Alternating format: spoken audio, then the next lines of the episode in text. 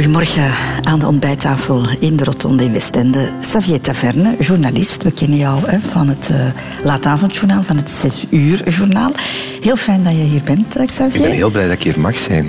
Ik vond het wel, wel grappig toen we jou vroegen om hier in de Rotonde te gast te zijn. Dan zei je meteen ja. Maar ook, en ik citeer, omdat jouw moeder het jou nooit zou vergeven, mocht je nee gezegd hebben. Het is een vaste afspraak bij mijn ouders op zondag, naast de pistolets en het gehakt en de préparé en de chocoladekoeken. Dan luisteren ze naar de rotonde. En als ik op zondagmiddag binnenkom, dan zeggen ze altijd... Het was vanmorgen die in de rotonde. Het was goed. Het was goed.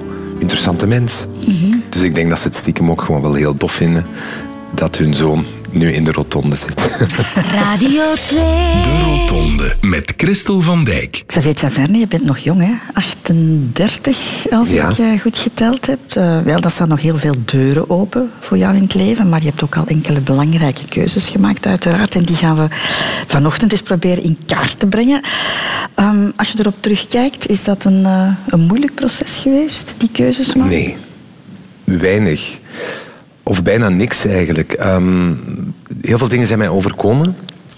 En ik hou ook niet van keuzes te lang in beraad te houden omdat dat altijd in mijn hoofd blijft zitten. Dus eh, ik ben ook, denk ik, voor een stuk opgevoed met er is een probleem. En voor elk probleem is er een oplossing. Dus voor elke keuzemogelijkheid is er ook een keuze.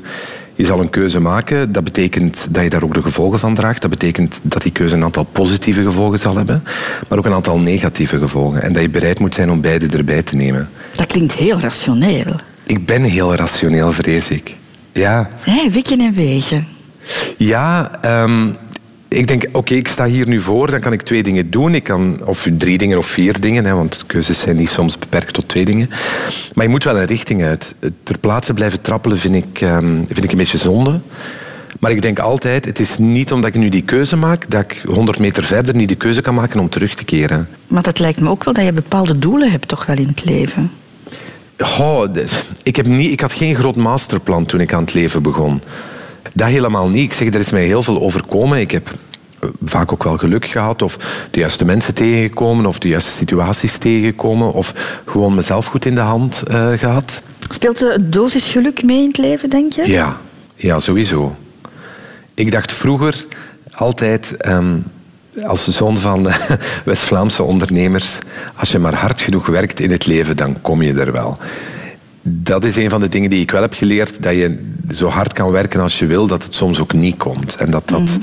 heel frustrerend kan zijn. Ik denk dat de sector waar ik in werk, of waar wij in werken, de, de media, soms kan je heel hard werken, maar komt die kans niet. Kan je van jezelf zeggen dat je een gelukkig man bent? Ja, Oeh, dat klinkt overtuigd. Ja, omdat het is ook maar wat je, wat je ervan wil, denk ik. Natuurlijk zou ik graag op elk continent een huis hebben aan de zee. En niet moeten werken. Ik zou wel werken, maar niet moeten werken. Maar ik denk, goh, het is echt wel goed zoals het nu is. Koesteren, koesteren. Jouw Wikipedia-pagina, Xavier Staverde, dat heb jij natuurlijk, hè, want je bent een bekend persoon. En uh, als we die pagina even openslaan op het internet, dan lezen we onder meer dit. Xavier Taverne, 3 juni 1981, is een Belgisch radio- en televisiepresentator. Voilà, heel kort en bondig. Ik vat het ongeveer samen. Er staat nog wat extra info op over mhm. de programma's die je ooit mhm. gepresenteerd hebt, maar we komen heel weinig te weten over jou als, als persoon en dan vooral als persoon voor hij bekend uh, werd. Dus we hebben Han Koeken even aan het werk gezet. En die heeft een aantal dingen aangevuld. Xavier Taverne is geboren op 3 juni 1981 in het mooie West-Vlaanderen.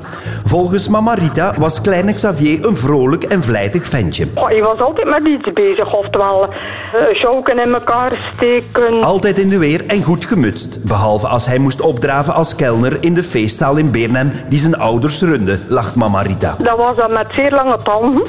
Die deed dat absoluut niet graag. En als hij zag dat een kelner uh, tijd over had... Kijk, zegt hij, die staat dan niks te doen. Uh, ik mag vertrekken, zeker? Dit leidde bij Xavier tot een zeer uitgesproken mening over de horeca, grinnikt vader Luc. Hij zegt, de horeca zijn, dat is heel simpel, papa.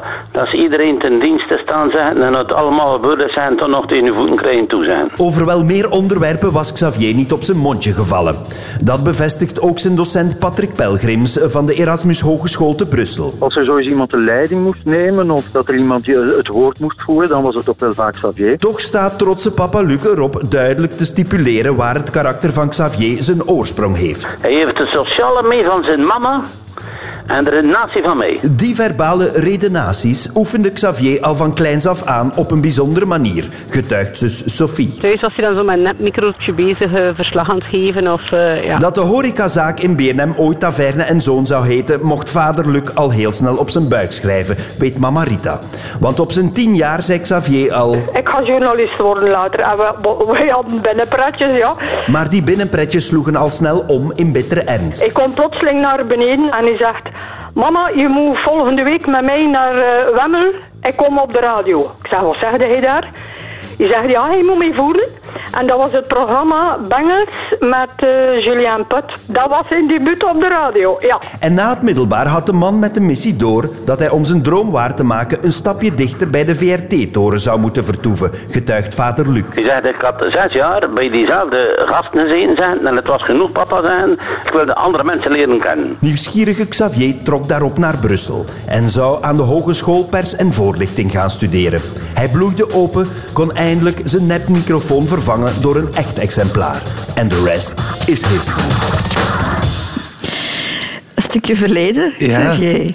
Ja, het is, ik, ik vind het heel apart, omdat ik weet niet hoe ik was als kind vroeger of als baby. Of als, dus ik vind het heel um, fijn om mijn ouders daarover te horen praten. Omdat, ja, vroeger werden er niet om de vijf minuten een foto van je genomen. Hè. Ik ben heel vaak bij mijn grootouders geweest en mijn oma die nam heel veel foto's tot zes, zeven. En is er een gat van twaalf jaar waarin er bijna geen foto's zijn, uh, behalve op kamp.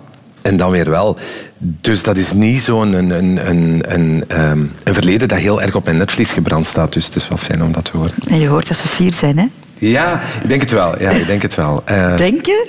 Ja, ik, denk, ja ik, ik ben het wel zeker. En, en ook op mijn zus, en dat vind ik wel fijn, want ja, ik doe iets wat meer schijnwerpers op mij heeft staan. Maar ik merk ook dat mijn ouders ook heel fier zijn op mijn zus. En dat ze wel blij zijn met ons allebei. En dat vind ik wel schoon.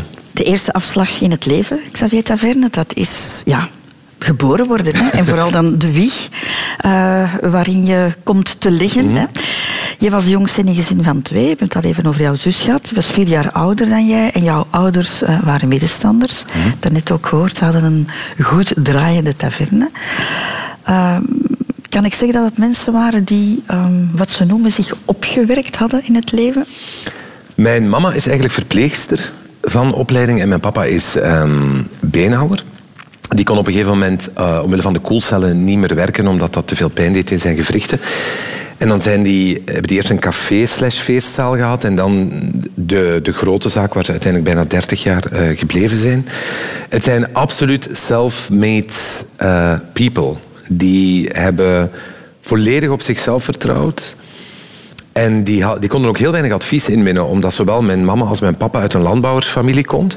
Mm-hmm. En zij zijn de horeca ingestapt. En ik denk gewoon daar blind ingestapt. En we zien wel waar we uitkomen. Gewoon gaan en niet omkijken. En we zien wel. En we zullen hard werken en we zullen wel zien waar we uitkomen. En ik denk dat dat wel geloond heeft in, in hun geval. Dat hebben ze ook gedaan. Ze hebben heel hard gewerkt. Hè? Ze hebben verschrikkelijk hard gewerkt, ja. Um, zeven dagen op zeven? Zeven dagen op zeven, absoluut. Uh, in de zomer was dat ook zeven dagen op zeven, was de zaak ook open. De rest van het jaar was dat zes op zeven. Maar die vrije dag ging dan op aan de boekhouding doen. Want mijn mama deed voor een groot stuk zelf ook nog de boekhouding. Ik weet nog dat hij vaak tot twee, drie, vier uur op haar bureau zat.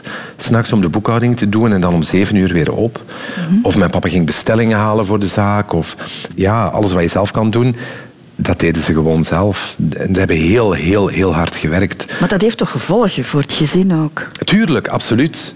Ik, wij, wij zijn voor een groot stuk opgevoed door mijn grootouders. Die nog altijd leven trouwens. Mensen zijn 90 plus intussen. Ja, we zijn vorig jaar, of vorige week liever, eh, waren die 70 jaar getrouwd. Dus die leven nog. Wij zijn daar heel de weekends geweest. Maar het voordeel van de kleinste te zijn is toen mijn zus niet meer naar mijn oma en mijn opa moest, moest ik ook niet meer. Dus ik ben veel jonger dan mijn zus. Heel de weekends thuis gebleven. En we hadden een moment op zaterdagmiddag, dat was na het eten. Op zaterdagmiddag dan werd er met personeel samengegeten, heel vroeg, om half twaalf. En daarna, om twaalf uur, was er een gezinsmoment. Van twaalf tot één. Soms was dat eens mijn mama, soms allebei, soms mijn papa. En dan hadden we de kans om daar te zeggen van waar we mee zaten, eh, of welke beslissingen dat we moesten nemen, of hoe het met ons ging. En dan moest het wel op dat moment komen. En als, ja, soms was dat een kaartte ik soms met mijn pa als we niet echt iets te bespreken hadden. Maar dat was een, een gezinsmoment. Maar voor de rest waren die er niet. Heb je dat gemist als kind? Ik heb het niet gemist omdat ik niet wist wat het was. Ik zag het wel rond mij. Ehm, zo de zondagmiddag en met het gezin gaan wandelen of iets leuks doen. Ehm, maar ik heb dat nooit gekend, dus ik mis dat niet. Toen mijn ouders uh, stopten met de zaak, dan ineens ging mijn mama mij drie, vier keer per week bellen en vragen wanneer ik nog eens langskwam. En dacht ik, hou, maar ik was toen 30 of ja, eind de 20. En ik dacht, ja, maar ik heb het nu al 30 jaar zo gedaan. Ik zal wel vaker naar jullie komen, maar laat dat maar eens groeien. We kunnen nu niet van de ene dag op de andere ineens zo dat klassieke gezin zijn dat, dat heel veel met elkaar gaat doen of zo. Hoe heeft die opvoeding jou beïnvloed in je latere leven? Ik ben heel snel, was ik op mezelf aangewezen. Dus je bent heel snel zelfstandig geworden. Ja. En, en volwassen ook. Volwassen. ook. Ik zat heel vaak tussen volwassen mensen. Ik vond ook heel moeilijke aansluiting bij, bij mensen op school. Om, omdat ik met heel andere dingen bezig was. Als er problemen waren in de zaak, dan werd dat besproken en dat hoorde ik. Dan werd ik daar ook in meegenomen. Ik was niet de zorgeloze puber. Ik heb mij ook niet aangetrokken. Het is niet dat ik niet sliep van alle problemen waar volwassenen mee zaten. Maar het was, het was een heel ander leven dan, dan veel van mijn leeftijdsgenoten. Ik ben daar heel blij om. Heb je dan nu nog, Xavier, dat je van niemand afhankelijk wil zijn? Absoluut. Tot grote ergernis soms van mijn vrienden. Ik heb twee heel goede vriendinnen, Jasmina en Fatma, die met hun zorgen bij mij komen, maar ik ga dat heel, heel zelden in de omgekeerde richting doen. Ik ben iemand die, als ik met iets zit, dan ga ik daar zelf door. En dan achteraf zal ik zeggen, Goh, ik heb daarmee gezeten en ik heb dat dan zo en zo gedaan. En dan zijn ze soms ook wel kwaad van waarom kom je daar niet... Waarom kom je daarover niet met mij praten? Of vertrouw je mij niet genoeg? Of is het niet veilig genoeg bij mij? Maar ik heb altijd op mezelf vertrouwd. En, en dat heeft meestal goed uitgepakt. Dus dat is een aangeleerde gewoonte. Dus eigenlijk weet jij het beste wat goed is voor Xavier Taverne. Oh, dat, dat, klinkt zo heel arrogant nu. Hè? Nee. ik, ik heb altijd vertrouwd op mezelf en dat heeft mij ook al geweldig um, parten gespeeld. Maar niet genoeg duidelijk om niet meer te vertrouwen op, op mezelf.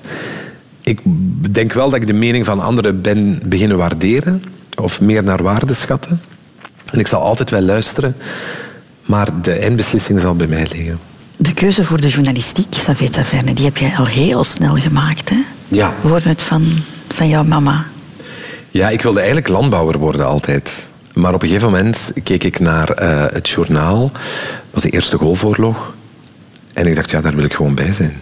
Wat triggerde jou daarin? Het avontuurlijke. Het uh, niet-alledaagse. De wereld proberen uit te leggen. De wereld proberen te begrijpen eerst en hem dan proberen uit te leggen. Klinkt allemaal zo ernstig. Ja. Want je was een jaar of 19? Ja. 9 à 10, bedoel Ja. ik niet 19, ja. En ik dacht, ja, ik wil daar zijn. En eigenlijk vanaf dat moment was school een noodzakelijk kwaad voor mij. Ik dacht, ja, ik moet daardoor. Ik moet nog heel veel leren. Ik moet nog een grote, stevige basis hebben. Maar dan wil ik dat gaan doen, ja. Heb je daardoor je ouders teleurgesteld, omdat je niet uh, mee in de zaak ging? Dat denk ik helemaal niet. Ik denk dat mijn ouders ook absoluut niet zouden gewild hebben dat nog mijn zus, nog ik in hetzelfde stramien zouden terechtkomen van werken totdat je er letterlijk bij neervalt. Wat zowel bij mijn mama als mijn papa gebeurd is. Die zijn allebei uitgevallen voor langere perioden een keer. En dat is heel heftig als kind. Als je dat ziet gebeuren, ik zie mijn mama nog wegrijden op weg naar Katzand om daar twee weken letterlijk in een hotelbed te gaan liggen om bij te slapen. Mhm. En toen was ik dertien en ik dacht, ja, maar dat kan toch niet de bedoeling zijn. En mijn papa dan een jaar of zes later, waarvan de dokter zei, als je nog één week verder gaat, dan valt je dood. Dus stop nu. Is mijn papa ook een maand naar Katzand gegaan eh, om daar helemaal tot rust te komen of toch te proberen. En ik denk dat dat meer heeft meegespeeld dan mijn aversie voor horeca, om niet in de horeca te stappen. Uh, omdat het ook vaak een heel ondankbare taak is. Ik, George Clooney zegt altijd: uh, Ik werk alleen samen met mensen die mensen in de horeca op een goede manier behandelen. Dat is voor hem de graadmeter. En dat vind ik heel schoon. Als ik op restaurant ga, dan zal ik ook altijd degene zijn die, ook als er bij mij niks wordt ingezet, maar bij de ander en die vergeet dank u te zeggen, dan zeg ik altijd dank u. Ja, maar we, dus, we dwalen af, Ja, we dwalen want we hadden het over, Ja. over de journalistiek. Want, ja, jouw ouders moeten het al heel snel gezien hebben, want jij begint als kind al programma's te maken. Hè? Ja, blijkbaar. Ik, ik kan mij dat zelf Herinner niet je dat echt... niet meer? Nee, ik herinner mij dat niet meer, nee. Ik weet wel dat ik, zoals iedereen hè, van mijn generatie, met een cassetterecorder klaar zat voor de top 30. En dan zo liedjes aan het opnemen was. En dan vertelde ik daar wel iets over. Dus, maar niet, dat nam ik niet op. Mijn stem nam ik niet mee op. Maar ik denk dat ik altijd wel op een bepaalde manier misschien wel bezig geweest ben met maken. Ehm, ja, dat denk ik wel. En ook, een- en ook een plek zoeken binnen die radio, want je was elf jaar Ja. en je belt naar Julien Put. Ja, die had een oproep gedaan. ja. En ik, ik volgde toen heel erg het Songfestival. Ik denk dat, dat Radio 2 toen dacht, amai, de 14-jarige die het Songfestival... Wat een rare, we gaan die maar eens uitnodigen.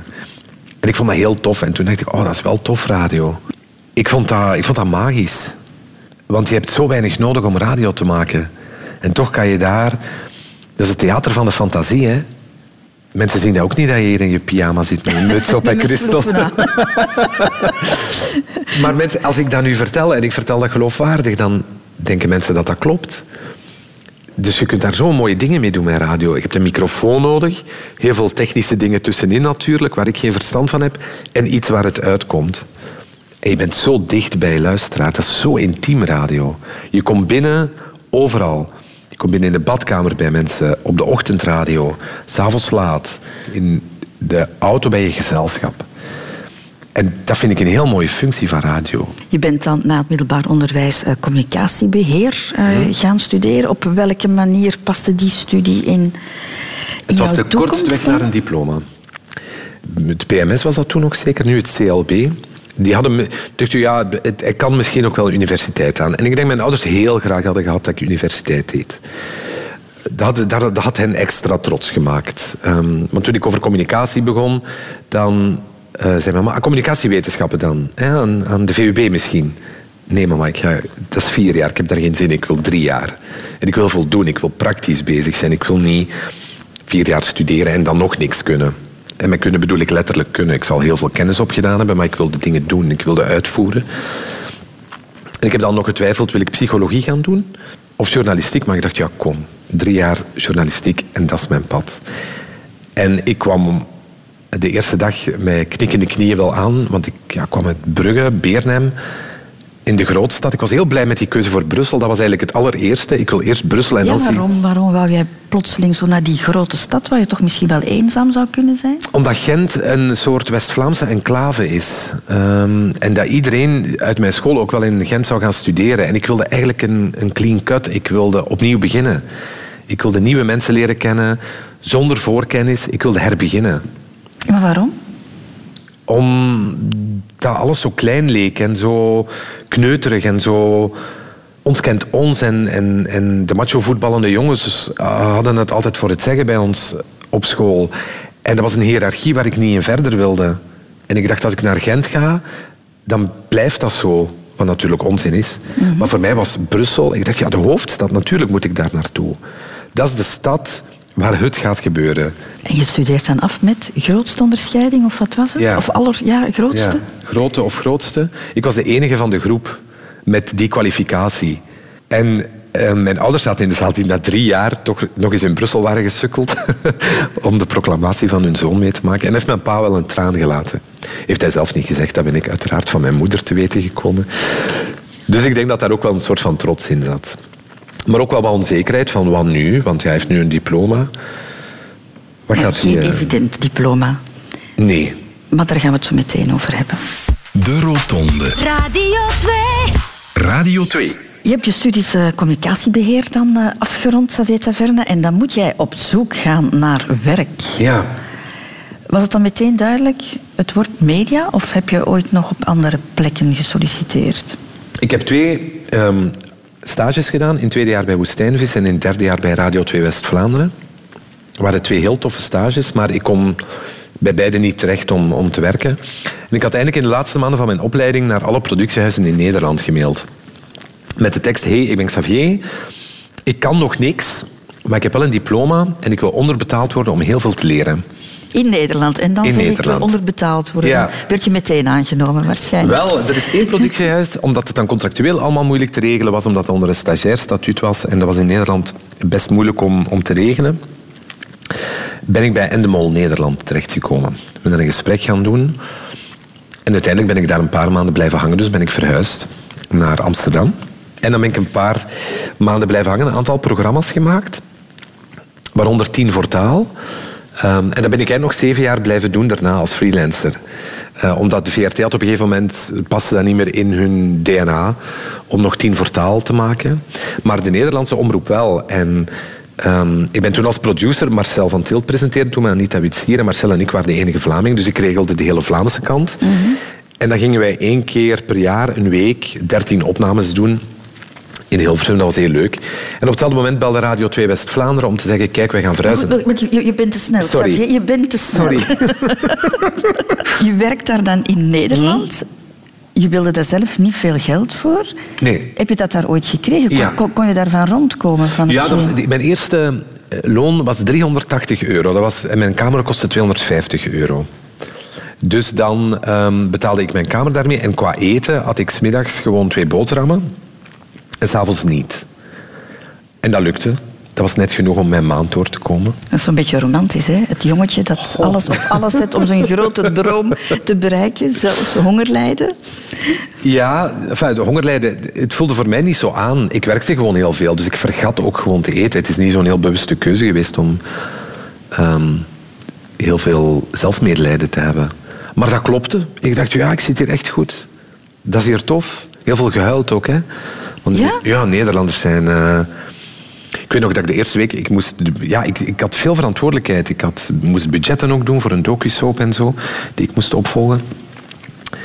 En ik moest bij de productieleider komen en zei... Godverdamme, het lijkt nergens naar. En ik werkte daar een week en ik dacht... Wow.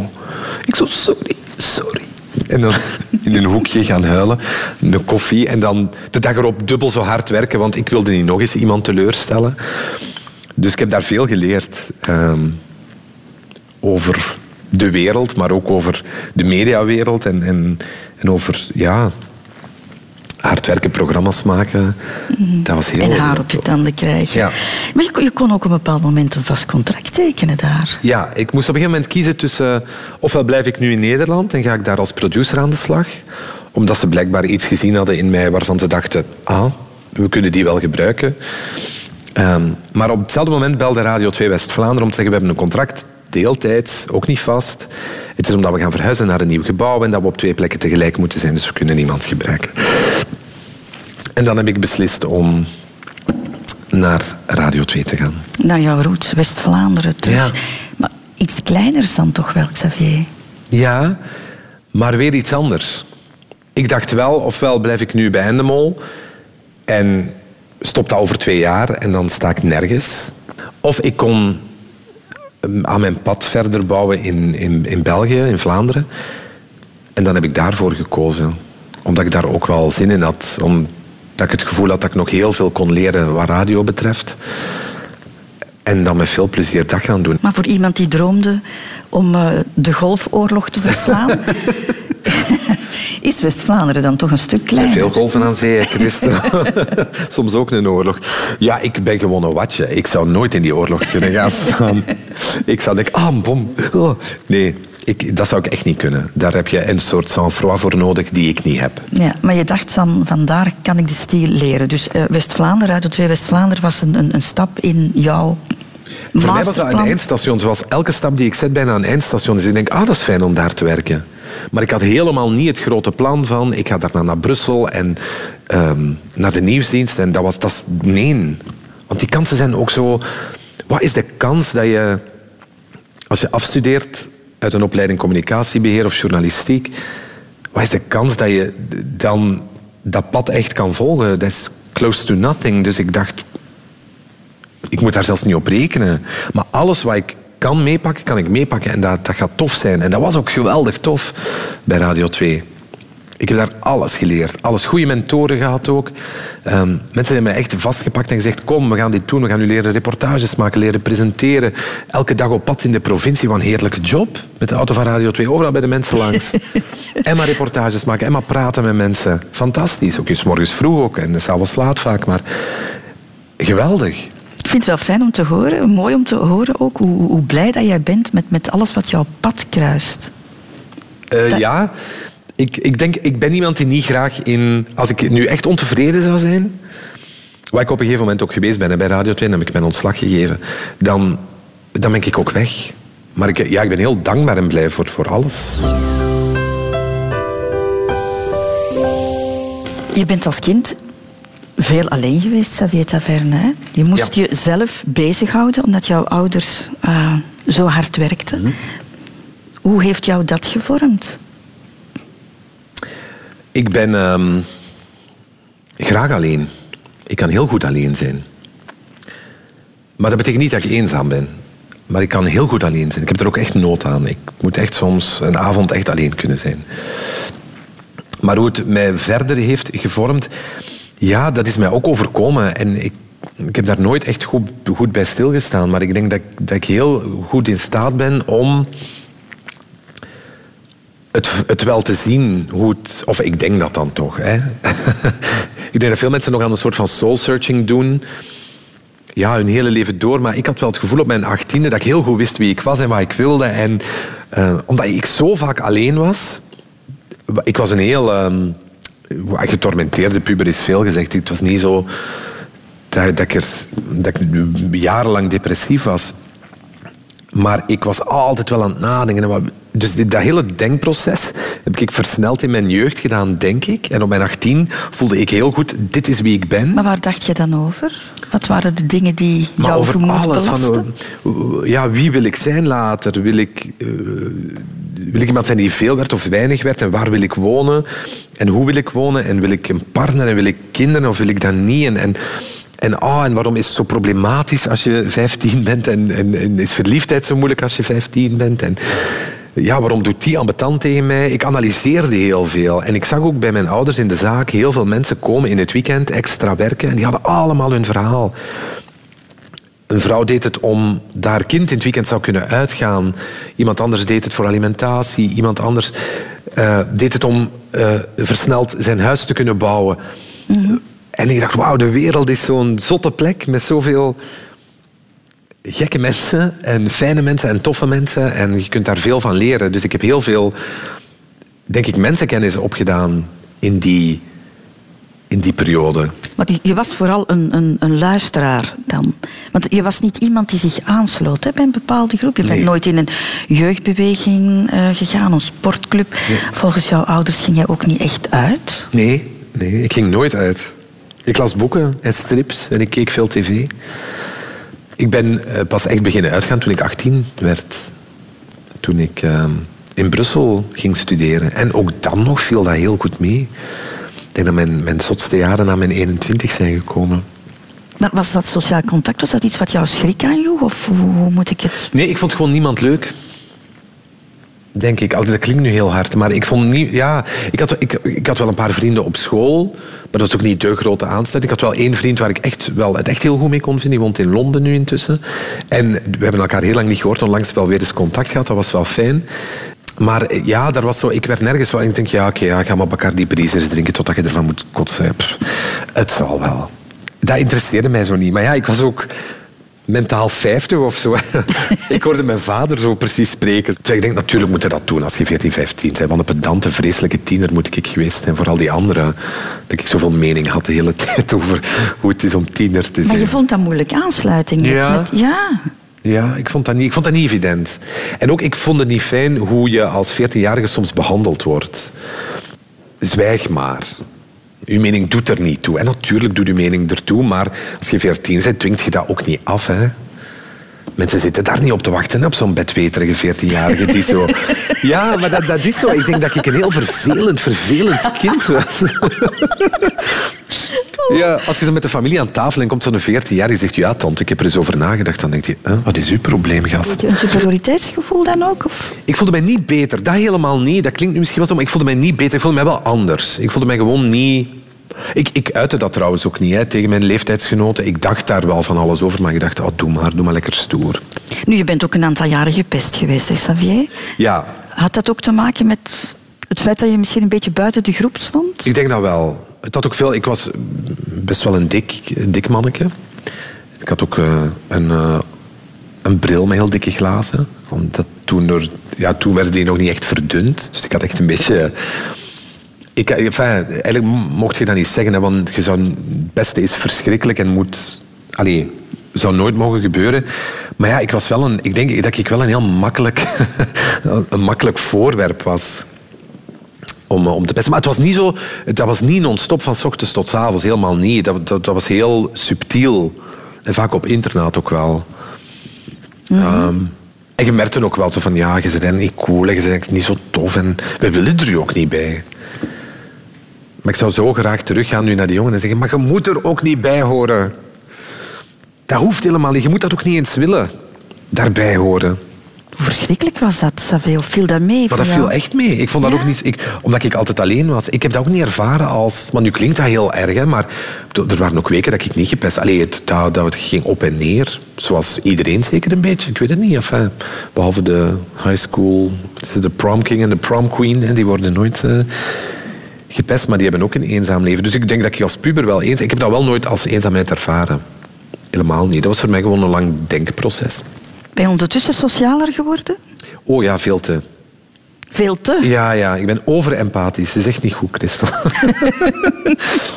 ja, ik heb, ik heb te veel aansluiting nu met heel veel. Maar ik, ben ook, ja, ik wist ook niet wie ik was hè, toen ik 14 was. Ik ging naar Brussel en toen ging er ineens een wereld voor mij op. Ik ging naar Nederland, ik heb daar mijn eerste lief op gedaan.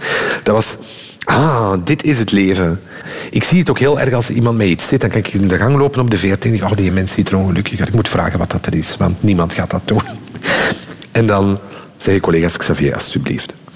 En ja, ik, ik kan me dat heel erg aantrekken als iemand anders zich niet goed voelt. Enige contradictie is jou ook niet vreemd, hè? Nee, ik heb nooit gezegd dat ik rechtlijnig ben. Consequent ben ik niet. Radio 2. De Rotonde. De onrust die er in jou zit. Of ik vermoed dat die daarin zit. Als ik eh, Ja, wat je allemaal al gedaan hebt. Laat ons het daarover beginnen. Hè. De jobs. Nederlandse televisie, Radio 2, radiojournalist, eh, presentator, televisie, zevende dag. Het journaal nu. Veel, hè? Heel veel. Ja. Ehm, onlangs zei iemand... Het ging over de leeftijd en, en vroeg hoe oud ben je. En toen zei ik 38. En die mens schrok ontzettend. Niet omdat ik er 48 uitzie, maar die zei van... Als ik kijk wat je allemaal hebt gedaan, dat is eigenlijk al genoeg voor bijna een half mensenleven of een heel leven. Ja, je bent er precies altijd geweest. Tot spijt van wie het benijdt. Eh, ja, ik ben daar ook... bij- eh, ja, we hadden het er in het vorige uur al over. Ik ben daar heel blij om. Ik ben daar heel dankbaar voor. Voor alles wat mij, mij overkomen is. Maar daar zit wel een soort van onrust in. Eh, ook in die... Ja, de, de- jobhoppen zou ik het nu niet noemen, want er zitten wel langere blokken in. Ik ben zes jaar bij Radio 2 geweest, bijvoorbeeld. Ik ben nu... Ik presenteer ook de ochtend op Radio 1, één week op de 2. Ik ben daar nu aan mijn negende seizoen bij Radio 1 bezig, dus er zit ook wel wat continuïteit in. Maar op Radio 1 heb ik verschillende dingen gedaan. De ochtend, de wereld vandaag, dan weer de ochtend. Dus daar zit ook wel wat, wat, wat verschil op. En dat houdt het voor mij wel fris en dat houdt het wel ehm, interessant. Je, je hebt die veranderingen nodig. Ja. Ook op niet-professioneel gebied? Ja ik, ja, ik ben dingen heel snel beu, eh, denk ik. Maar niet moedwillig. Het is niet dat ik dat beu wil zijn. Maar ik denk, oké, ik heb nu... Je hebt de groeicurve van iets nieuws. Hè, dat gaat heel stijl in het begin, dan vlakt dat een beetje af en dan gaat het weer stijl, omdat je een tweede adem vindt. Maar als je op dat tweede plateau bent, dan denk ik, ja, ga, om nu nog tien jaar hier te blijven om dan nog 5% efficiëntiewinst te maken, laat maar.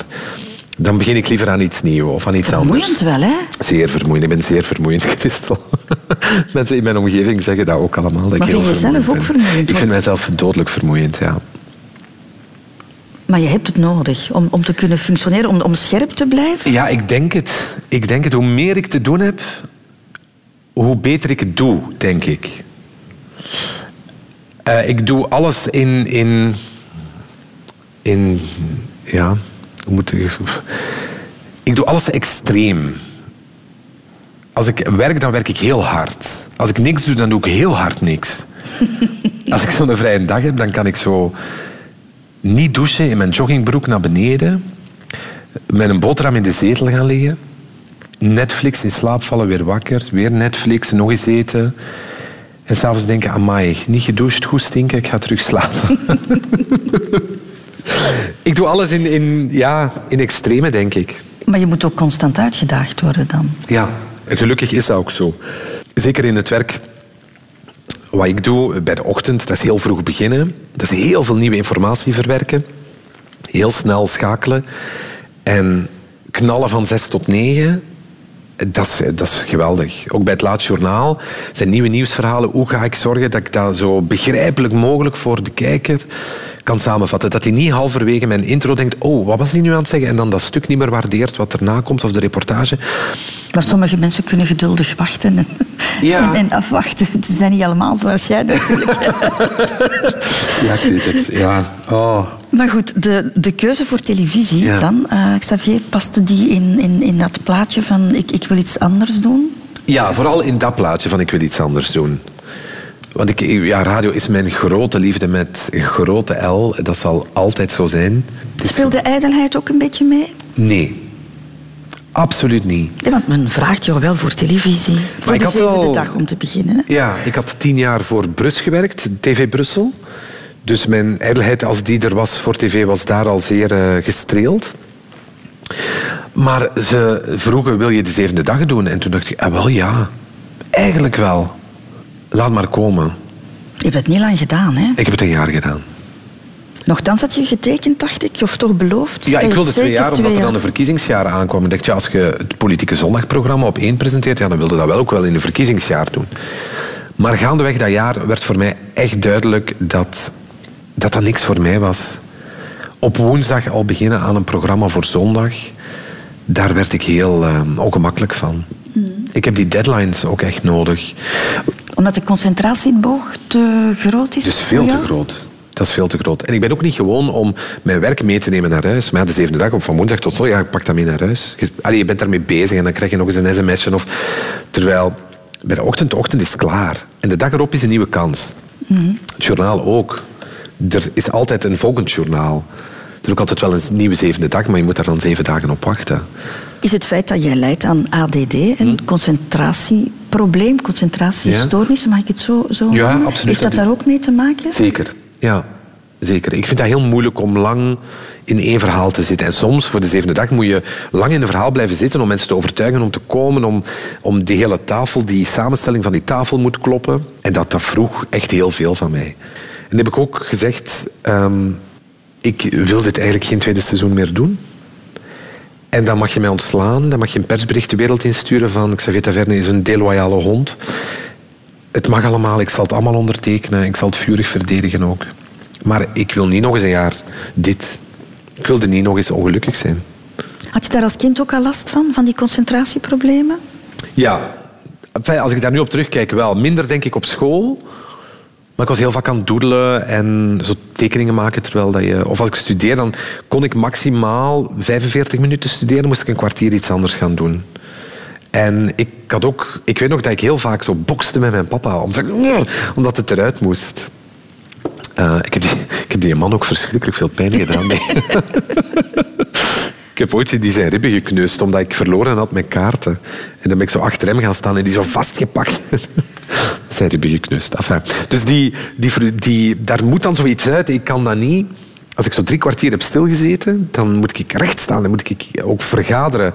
Ik sta altijd recht tijdens vergaderingen. Of, of als het onder een bepaalde tijd blijft, zo twintig minuten, half uur, dat gaat. Maar daarna moet ik rondjes kunnen lopen en moet, moet ik bezig kunnen zijn. Want Mhm. Heb je daar ooit medicatie voor genomen? Nee. Ik weet dat het er is en ik heb het aanvaard voor mezelf. Ik denk, ja, dat is een stukje van mij. Het is niet zo fijn. Ik zou liever tien uur aan een stuk in een dossier kunnen kruipen zonder dat ik daar echt veel problemen mee heb. Vermijd je daarom soms prikkels? Ja. Het is heel lang geleden dat ik op café ben geweest. Bijvoorbeeld. Omdat ik... eh, als, als ik op restaurant ga, dan moet ik ook vooral niet met mijn gezicht naar de deur zitten. Want ik zie iedereen binnenkomen. En ik, zie, ik heb alles gezien. En dan zeg ik, oh, die kelner, oei, je dat gezien? Maar oh, die ging zijn bord bijna laten van, oh, daar, die mevrouw. Dus ik, en op café, zeker in Brussel, waar ik veel mensen ken, dan, dan knettert mijn hoofd echt. Omdat ik zoveel mensen zie die ik ken... En dat ik denk, ah, ik moet daar nog, ik moet daar nog naartoe, ik moet met hem nog praten, ik moet haar nog zien. En, dan ben ik met huidige gesprek en dan... Ja, sorry, ik moet even naar daar nu. En dan moet dat eruit. En dan, dus ik, heb, ik denk, ja, ik moet eigenlijk niet meer op café gaan, want dat wordt mij te veel. Ik heb veel meer last dan vroeger van prikkels. En van overprikkeld te zijn. Radio 2. De liefde, Xavier Taverne. Daar gaan we het eens over hebben, uitgebreid. Oh, uitgebreid dan nog, ja. Hoe dacht jij daarover als tiener? Als een zeer noodzakelijk kwaad. Ik dacht de hele tijd omdat ik zo vaak mensen ruzie zag maken en niet gelukkig zijn. En ik heb het nu niet over mijn ouders, maar rond mij. Ik dacht, maar wat doe je eigenlijk met elkaar? Loop weg, nu je nog kunt. Ik zag heel veel mensen echt, ja, of ze, mijn vrouw is aan het zagen. Die van mij, amai, je wilde weer niet mee gaan winkelen. denk ik, maar ja? Waarom zijn ze dan bij elkaar? Ik vond dat onnuchterend. Want je hebt enerzijds natuurlijk het Disney-plaatje van de liefde. Waar je wordt opgedrongen en gevoederd als een gans die haar lever dik moet maken met zo romantische films. En dan is de realiteit toch helemaal iets anders. Ik had dat ook snel door, dat dat niet roze geur en maneschijn was. Maar stiekem dacht ik wel, oh, die grote liefde, die zou ik wel willen, ja. En ik dacht, ik zal de uitzondering zijn op al die slechte verhalen dat ik hier rond mij zie. Maar ik heb bij mijn ouders, vond ik, de, de, de liefde van mijn ouders, hadden heel weinig tijd voor elkaar. Maar als ik zie hoe die nu, want ik dacht heel vaak, ja, die zijn op een heel zakelijke manier bijna ook met elkaar. Van ja, moet dat nog doen, moet dat nog doen. En, en, maar dat was wel een soort respect voor elkaar.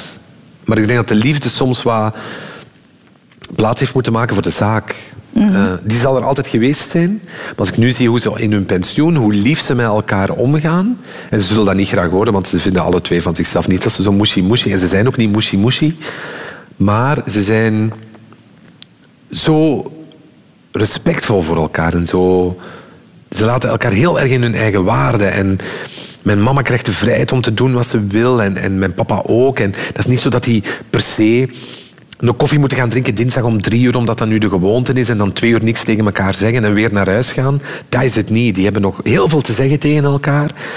Ik vind dat wel heel mooi. Op een bepaald ogenblik moet, moet jij misschien je toekomstbeeld een beetje uh, veranderen, Xavier. Want heb jij niet altijd gedacht, ja, het, het wordt een vrouw en het worden kinderen? Ik wilde dat wel graag, ja. Ik dacht, en in het proces, zo net voor ik voor mezelf dacht, ah, maar goed, ik val op mannen, wilde ik heel erg verliefd worden op elke vrouw die ik tegenkwam en die ik een beetje tof vond. En dan zei ik dat ook. Ik herinner mij nog zo'n gesprek. Dat zei, ik denk dat ik dan verliefd ben op jou. En ik denk, wauw, die moet ook gedacht hebben, waar is de uitgang? Ze heeft die ook snel gezocht. Maar uh, ik denk dat ik dat gewoon heel graag wilde. Maar ook niet besefte waarom doe ik hier nu zo zakelijk over. dus eigenlijk het klassieke gezin stond nog vooraan in jouw verwachtingspatroon. Ja, het is niet zo dat ik dacht ik zal doodongelukkig zijn als dat niet zo is. Maar ja, omdat dat altijd hetgeen is wat je te zien krijgt, dacht ik, ah, dat is dus ook mijn pad. Het is maar toen ik ineens dacht, oeh, maar jij bent een leuke man. Dat ik wist, ah, ik moet dus de andere route uit of de andere weg uit. Maar het was wel laat hè, toen je dat besefte. Ja, 21. En ik werd daar wel al mee gepest, ook in het secundair. Zo, u Jeannette. Of uh, in Brussel. Op school werd ik daar niet mee gepest, maar ik weet dat er zo'n moment was van ja, 1 op de 10 is, is Hollyby. Wie zou er in onze klas zijn? Ah, dat zal wel Xavier zijn. En ik dacht, ah ja, zou dat? Maar dat was nooit echt doorgedrongen, tot ik in Nederland ging werken en daar een man kuste. Mm En dacht, ah, dit is waar al die films over gaan. Maar ik vind het zo raar, Xavier, 21. Mensen zagen het aan jou. Of dachten, ze, wisten het, ze wisten het eerder dan jij. Ja. Maar het is ook niet dat ik het verdrongen heb. Nee, want het lijkt wel een soort ontkenning te zijn, toch? Ja, ik denk dat dat voor veel mensen zo is, maar dat was het voor mij oprecht niet. Het was... Ik dacht, oh, zou dan... Ik heb daar wel over... Ik heb dat meegenomen en ik dacht, zou ik nu op mannen vallen? Maar ik kwam maar geen man tegen waar ik verliefd op werd of die ik buitengewoon aantrekkelijk vond. Terwijl ik dat bij vrouwen wel nog voor een stuk had. Misschien omdat ik het heel graag wilde. Maar goed, op een bepaald moment hè, besef jij voor jezelf, Hm? of accepteer je voor jezelf, hoe moet ik het noemen? Eh, Ja, ik heb die man gekust en ik dacht onmiddellijk, ah, dus het is wel zo. Wat dan al verteld werd over mij of wat dan al zoomde. En ik ben s'nachts gaan slapen en s ochtends dacht ik, ah oké, het is zo. Ja, zo. Dan, dan is het dat. En dan zal dat nu mijn pad zijn. Vond je het erg? Nee.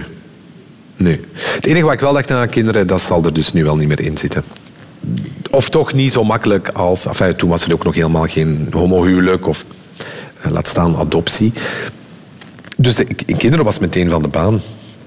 Dus ik heb me er ook vrij snel bij neergelegd. dacht ik, ja, het is jammer, kom dat mijn zus ooit kinderen heeft en dat ik dan Peter mag zijn.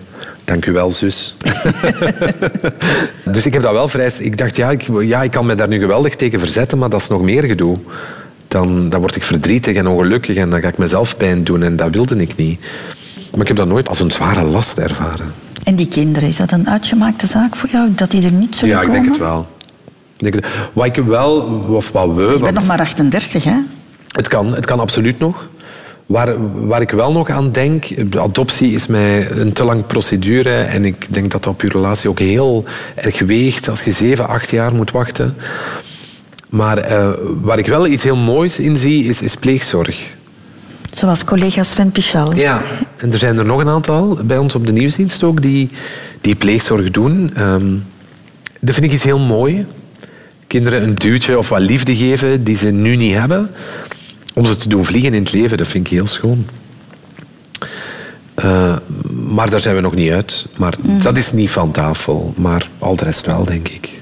We zijn over de liefde begonnen, Xavier. Mhm. We gaan daar nog, nog even op door. Op je 21ste, hè, vrij laat, eh, weet jij van... Oké, ik kies niet voor het klassieke pad, bij wijze van spreken. Mhm. Ik, ik, ik val op mannen. Hè. Dan moet je dat thuis ook nog gaan vertellen, natuurlijk. Hoe is dat gegaan?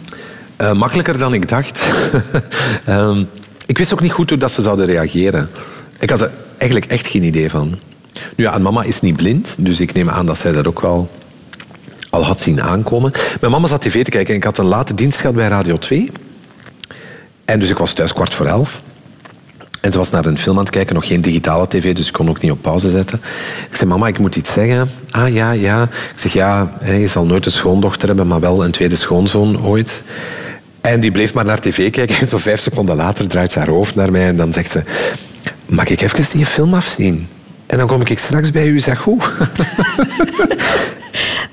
Ik dacht, anticlimax, oké. Ik dacht, allee, ik had nu wel een beetje drama verwacht of tranen. Kom, geef mij iets. Maar is ze wel bij mij op de kamer gekomen en zei ze, kijk, ik moet daar een nachtje over slapen, want het overvalt mij. Het is wel gek, want jij komt dan met de biecht van, jou, Ja. van jouw leven. Ik vind het ook een heerlijk verhaal voor mijn gezin ook. Ik vind dat weer zo heel... Hoe wij met elkaar doen. Zo, ja, dat kan goed zijn, maar ik ben nu naar die film aan het zien. En de dag erop is uh, bij mij gekomen en zei van, is het allemaal oké? Ze, ik, ze wist het ook, hè, denk ik? Ja, dat denk ik wel. Ze heeft altijd wel vermoedens gehad. Maar zolang het niet bevestigd wordt. En ik denk dat zij vooral, en mijn papa ook, zoiets hadden oh, die zijn leven gaat nu moeilijker zijn. Niet zozeer van... Ja, valt je op mannen? Ja, dan valt je op mannen. Dat is oké. Okay. Maar zo, je gaat je leven... Je maakt jezelf kwetsbaarder dan, dan ik had gewild als ouder. Ik denk dat dat vooral meespeelde. Is daarom dat je zo lang gewacht hebt om het aan jouw papa te zeggen? Een jaar, ja, omdat ik dacht... Mijn papa is ook zo nogal een... Uh, pragmatische man. En ik dacht, ja, zolang dat ik geen lief heb, zal dat voor mijn pa ook niet bestaan. zo van, ah, kijk, ik heb een vriend en daar is hem van, ah ja, oké, okay, daar kan ik iets mee. Maar zo, daar, ja, ik val op mannen, ja. Nu heeft er, is er mijzelf, ik denk omdat mijn mama met hem had gesproken, is hij er zelf over begonnen. En dan heeft hij gewoon gezegd, oké, okay, en doe het veilig. En dat was het. En we hebben daar nooit meer over gesproken. Net zoals we nooit hebben gesproken over het feit dat mijn zus een vriend heeft. En dat was heel fijn. Ik denk dat ze daar meer mee hebben gesukkeld dan dat ze hebben laten uitschijnen. Maar nooit tegenover mij. En dat is heel schoon. Op je 21ste ontmoet je dan de eerste grote liefde ja. van jouw leven. Jullie zijn acht maanden samen geweest. Ja, ja dat was een uh, collega bij Enemo. En wij werkten allebei laat. En waar we afhaal, of de afhaal eten laten komen. En dan samen naar de uh, garage gewandeld en daar gekust. En, en toen wist ik, dacht ik, ah, zo, dat, dat is de kus waar iedereen altijd zo van die verschrikkelijke zeemzoeterige liedjes over maakt. Nu snap ik het. Nu voel ik het. Dit is het. Was dat een openbaring? Ja.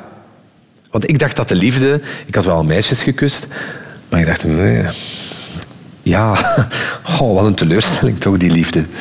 Maar toen dacht ik, ah, nu snap ik waarom de liefde zo problematisch zou kunnen zijn. Maar jullie zijn dan na acht maanden zijn jullie uit elkaar gegaan? Ja, hij was 31, ik was 21. En hij wilde trouwen en samenwonen en kinderen. En, en ik was toen ook al bij Radio 2 begonnen. Hij woonde in Alsmeer, Nederland. Ja, dat, dat had geen... Nu ben je al heel lang samen, hè? Ja, tien jaar. Dus op een bepaald moment heb je die verbindenis wel willen aangaan. Ja. Was je er klaar voor? Ja. Hoe kwam dat? Uh, ik ben heel erg zoekende geweest in mijn twenties. Ik heb ook wel wat gedate en wat afspraakjes gehad. En some good, some bad, zoals dat gaat. Maar niks was bij mij de grote... Ah. En voilà. Op 8 oktober 2009 ben ik op café gegaan met een goede vriend. Die uh, een goede vriend van hem had uitgenodigd om ook op café te komen. Dus ik was met die vriend gaan eten.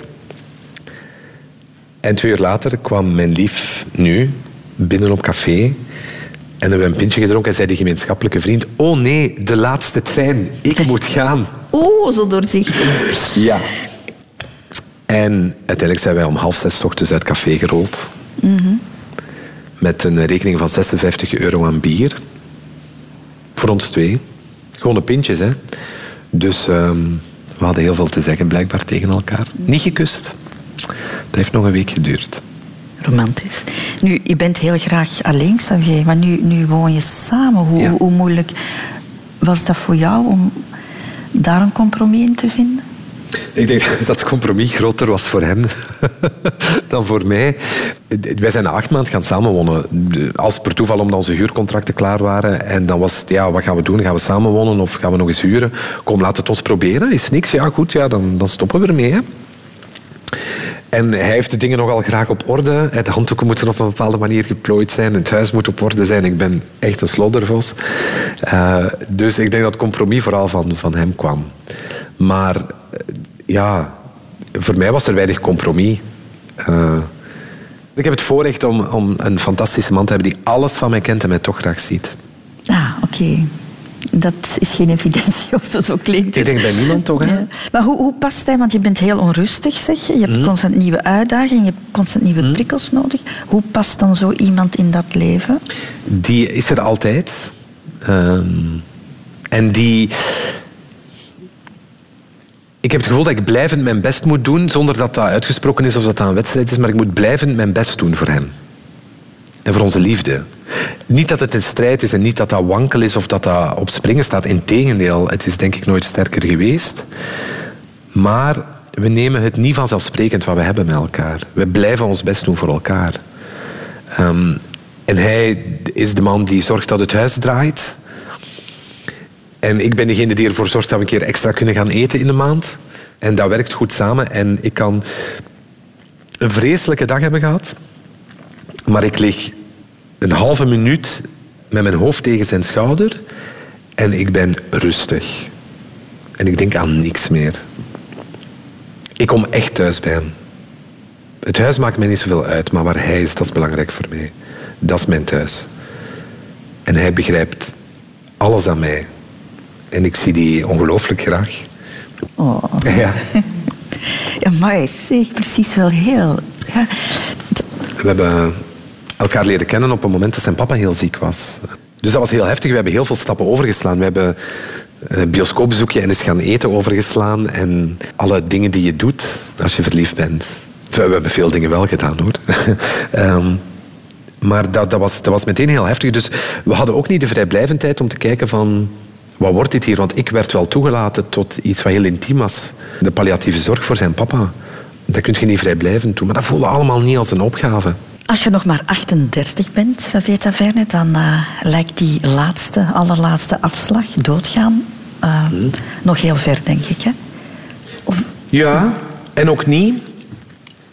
Ehm, omdat, we hadden het er net over, mijn schoonvader is overleden aan kanker. Mijn mama heeft kanker nu. Ehm, gelukkig gaat het met haar goed, is ze de goede, uh, goede kant op aan het gaan. Dus dat confronteert je wel met de eindigheid van het leven. Die onoverwinnelijkheid die, die ik eigenlijk nooit echt heb gevoeld, moet ik zeggen. Ik heb nooit gedacht dat ik onoverwinnelijk ben of was. Je leeft anders wel zo, hè? Ja. Je leeft aan duizend per uur. Jouw levensritme is dodelijk. Ja, absoluut. Ja, zeker. Ja, ik heb zeker al 15 jaar van mijn leven afgehaald. Dat ben ik absoluut zeker. Ja, maar om, om maar even te zeggen, de ene week sta je op uh, rond, om half vier. Ja, rond half vier. En de andere week ga je slapen om, om, om, om twee uur, uur omdat ja. het laatavondjournaal. Je hebt je mama en je, je hebt je papa uh, zien er onderdoor gaan mm. aan, aan te hard werken. Hè. Ze hebben op een bepaald moment allebei een serieuze mm. knak gekregen. Ik, ik denk dat mij dat ook gaat gebeuren op een gegeven moment. En toch ben ik nu niet verstandig genoeg om dan de rem in te drukken. Dus een beetje onoverwinnelijk voel je je wel, hè? Ja, en dan denk ik, ga ja, als ik dan crash, dan crash ik. En dan zal er nog tijd genoeg zijn om te rusten en te slapen. Wat heel dom is, dat besef ik absoluut. Dat is heel dom. Maar ik denk altijd, ja, er komt wel een rustiger periode aan. Ik had nu de ochtend en het journaal, ik heb die documentaire reeks gemaakt voor Canvas nu over eenzaamheid dat was alles samen. En ik geef ook nog les af en toe. Ik dacht, ja, maar daarna, daarna. Maar ja, daarna is er altijd wel weer iets anders. Dat is niet zo zorgzaam voor jezelf, Xavier. Hè?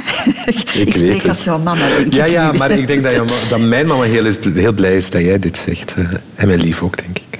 Nu, bent dus vorig jaar geconfronteerd geweest met de kwetsbaarheid, zoals je het zelf noemt. Hè? Jouw, jouw mama die eh, de diagnose borstkanker kreeg dat is toch wel de hemel die op je hoofd valt, hè? denk ik. Ja, dat was, um, dat, was, dat, was, dat was heel heftig. We waren op weekend met de familie in november.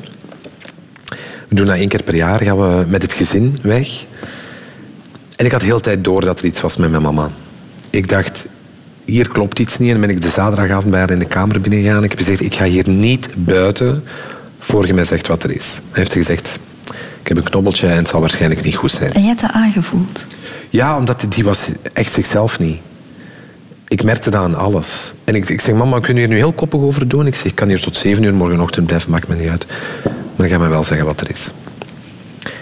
En dan heeft ze dat gezegd, dan moesten we dan nog wat stilhouden. Alleen mijn mama wilde het weekend niet verpesten, mama's. Hè. Dat is typisch, hè? Ja, een leuk gezinsweekend, ja. Um, en dan kwam de diagnose. En toen dacht ik, oh, en wat ik de meest verschrikkelijke week vond, enfin, hoor mij, ik heb geen kanker, maar wat ik het moeilijkst vond, en mijn mama ook, is de week tussen diagnose en de zijn er uitzaaiingen en welke pathologie is het. Die week, waarvan je niet weet, zijn er uitzaaiingen, ga ik sterven, ga ik nee, verschrikkelijk. Maar dan kwam eerst geen uitzaaiing. Zeer behandelbaar. Lange weg, maar behandelbaar. En we zitten bijna op het einde van die weg nu. Ga je er dan als een soort van journalist mee om? Zo van, dit zijn de feiten, dit kunnen we doen. En... Ja. ja? Ja, ik was ook mee naar de dokter. Mijn lief had gezegd van als je bij die dokter zit en het overkomt u, vergeet je alles te vragen wat je moet vragen. En ik had alles genoteerd, dus ik had heel veel vragen voor die dokter. En mijn ouders die zaten een beetje versuft voor zich uit te kijken. En dan had ik heel veel vragen. Welke behandeling? Wat doet dat? Hoe lang gaat dat duren? Wat zijn de gevolgen? Dus ik had heel, heel veel vragen. En ook de vraag van, gaat mijn mama genezen? Dat was de moeilijkste vraag. Ja. En de dokter zei, we gaan ervan uit van wel. En dan dachten wij allemaal, en vooral mijn mama, oké, dan gaan we dit doen. Ik ga vechten, want ik weet dat de finaliteit kan zijn dat ik ga genezen. Dus dan ga ik er alles aan doen om te genezen. Mm -hmm. En dat heeft ze ook uh, gedaan nu, het voorbije jaar. Is dat de manier voor jou om ermee om te gaan, zo het rationele? Het analytische. Je kijkt naar je mama en wat zij nodig heeft, of waarvan je denkt dat ze het nodig heeft. Maar zij straalde de hele tijd uit dat het een griepje was. Dat, dat is eigenlijk wat iedereen dacht. Het is een griepje. Bij wijze van spreken. Bij wijze van spreken. En als ik dan zei, mama, het is verdomme geen griep, het is kanker, dan, begon ze altijd, of dan werd ze heel emotioneel. Dus ik heb dat dan geprobeerd om minder te doen. Maar ja, dat zijn moeders, hè. Die blijven maar gaan. En ik denk, zolang mijn mama niet crasht en mijn mama niet laat uitschijnen dat ze meer nodig heeft dan wat we nu doen op dit moment, dan dan is het oké. Je kijkt naar de patiënt, en wat een vreselijk woord maar ja, je bent het wel, hè, de patiënt. En je kijkt naar wat heeft hij nodig. En mijn man straalde nooit uit dat ze heel veel nodig had, waardoor het, zij het voor ons heel aangenaam maakte en makkelijk maakte om ermee om te gaan. Maar je was wel erg bekommerd om haar. Hè? Zelfs de arts, dat heeft ze ons verteld. De arts uh, zou haar gezegd hebben, mevrouw, u heeft een prachtzoon die diep bekommerd is om jou. Ik heb dat hier nog nooit meegemaakt. Ja, ik ben, ik, ik ben een paar keer met haar mee geweest naar de dokter en ook geprobeerd om te ondersteunen. Een paar keer naar de chemo ook mee geweest. Dat is wat je doet, hè. Als je mama ziek is. Dan moet alles daarvoor wijken. Maar er zit wel iets heel zorgzaam in jou ook, denk ik, hè? Zeer, ja. Zeer. Ik zorg heel graag voor mensen. Het zijn mij goede raad of goed bedoeld advies. Ik zorg heel graag. Ik vind dat heel fijn om te doen. Ik geef graag. Ik krijg niet zo graag. Maar je hebt niet graag dat ze zorgen voor jou? Nee. ik, ik wou soms dat het anders was, maar... Xavier Taverne, er is nog één afslag waar we het niet over gehad hebben en dat is de toekomst. Mhm. Ja. Zijn er nog plannen? ik maak nooit plannen, want dan word je alleen maar teleurgesteld. Dat, dat, dat heb je. maar uh, um, ik zou heel graag, heel graag uh, nog eens in het buitenland wonen en werken. En dat zal er ook nog wel van komen, hoop ik. Dezelfde job? Nee, want ik, ja, ik kan hier wel drie volzinnen aan elkaar zeggen en mensen vinden dat niet slecht, maar ja, in heel veel andere landen moet ik daar niet mee aankomen. Hè, want ja, Nederlands is nu ook geen wereldtaal. Dus ik, ik denk het niet. Dus je kiest misschien ooit nog voor een heel ander pad? Ja, misschien wel. Uh, ik, het lijkt mij geweldig om een huis te kopen in Portugal en mhm. daar dan uh, vijf kamers in onder te brengen. Dat je de mensen echt in de watten legt. Dat zou ik, dat zou ik eigenlijk een heel fijn leven vinden. Denk ik. Misschien word je daar ook weer onrustig van en verkoop ik dan Ik denk het wel, ja. ik denk het wel. Maar ergens zit er, het is een hele dualiteit. Hè, want er eerder al over, over dat ik niet consequent ben. Dat is ook zo. Ik zou dit leven, dit heel drukke leven, makkelijk kunnen inruilen, denk ik, voor iets wat heel, heel traag is. Maar dan moet het ook extreem traag zijn. Dus weer dat, dat, dat, dat uiterste. Ik, ik had graag deelgenomen aan het diplomatenexamen. Ik heb niet de juiste diploma's daarvoor. Omdat ik vermoed dat er in mij een heel goede diplomaat schuilt. Maar helaas, het zal niet voor dit leven zijn. Ik vond het heel fijn om jou aan tafel te hebben, uh, Xavier Taverne. Ik vond het heel fijn om hier te zijn. Ja, die tegenstrijdigheden in jou vind ik wel interessant. Hè? Rationeel en heel streng voor jezelf, maar heel emotioneel en heel zorgzaam voor andere mensen. Is dat een goede typering? Ja, ik word emotioneel van die typering weer. Ehm, ik weet het niet, ik denk het wel. Het is gek om, om zo twee uur bij jezelf stil te staan. Ik hoop dat ik niet te veel gerateld heb en onnozele dingen heb gezegd, maar ik vond het heel fijn. Dankjewel dat je wou komen. Nog één ding, Xavier. Dat is de taak uh, die iedereen nog krijgt. Het gastenboek. En dat, het gastenboek. Beste Christel en natuurlijk ook je hele team. Voor een onrustige mens als ik is het soms niet slecht om stil te staan bij jezelf. Bedankt om van de rotonde een veilige plek te maken die dat mogelijk maakte. Ik vond het een heerlijke pauze in dit leven van duizend per uur. Dat jullie de warmste mensen zijn en uitstekende koks maakt het alleen maar makkelijker en beter. Veel liefs van Xavier.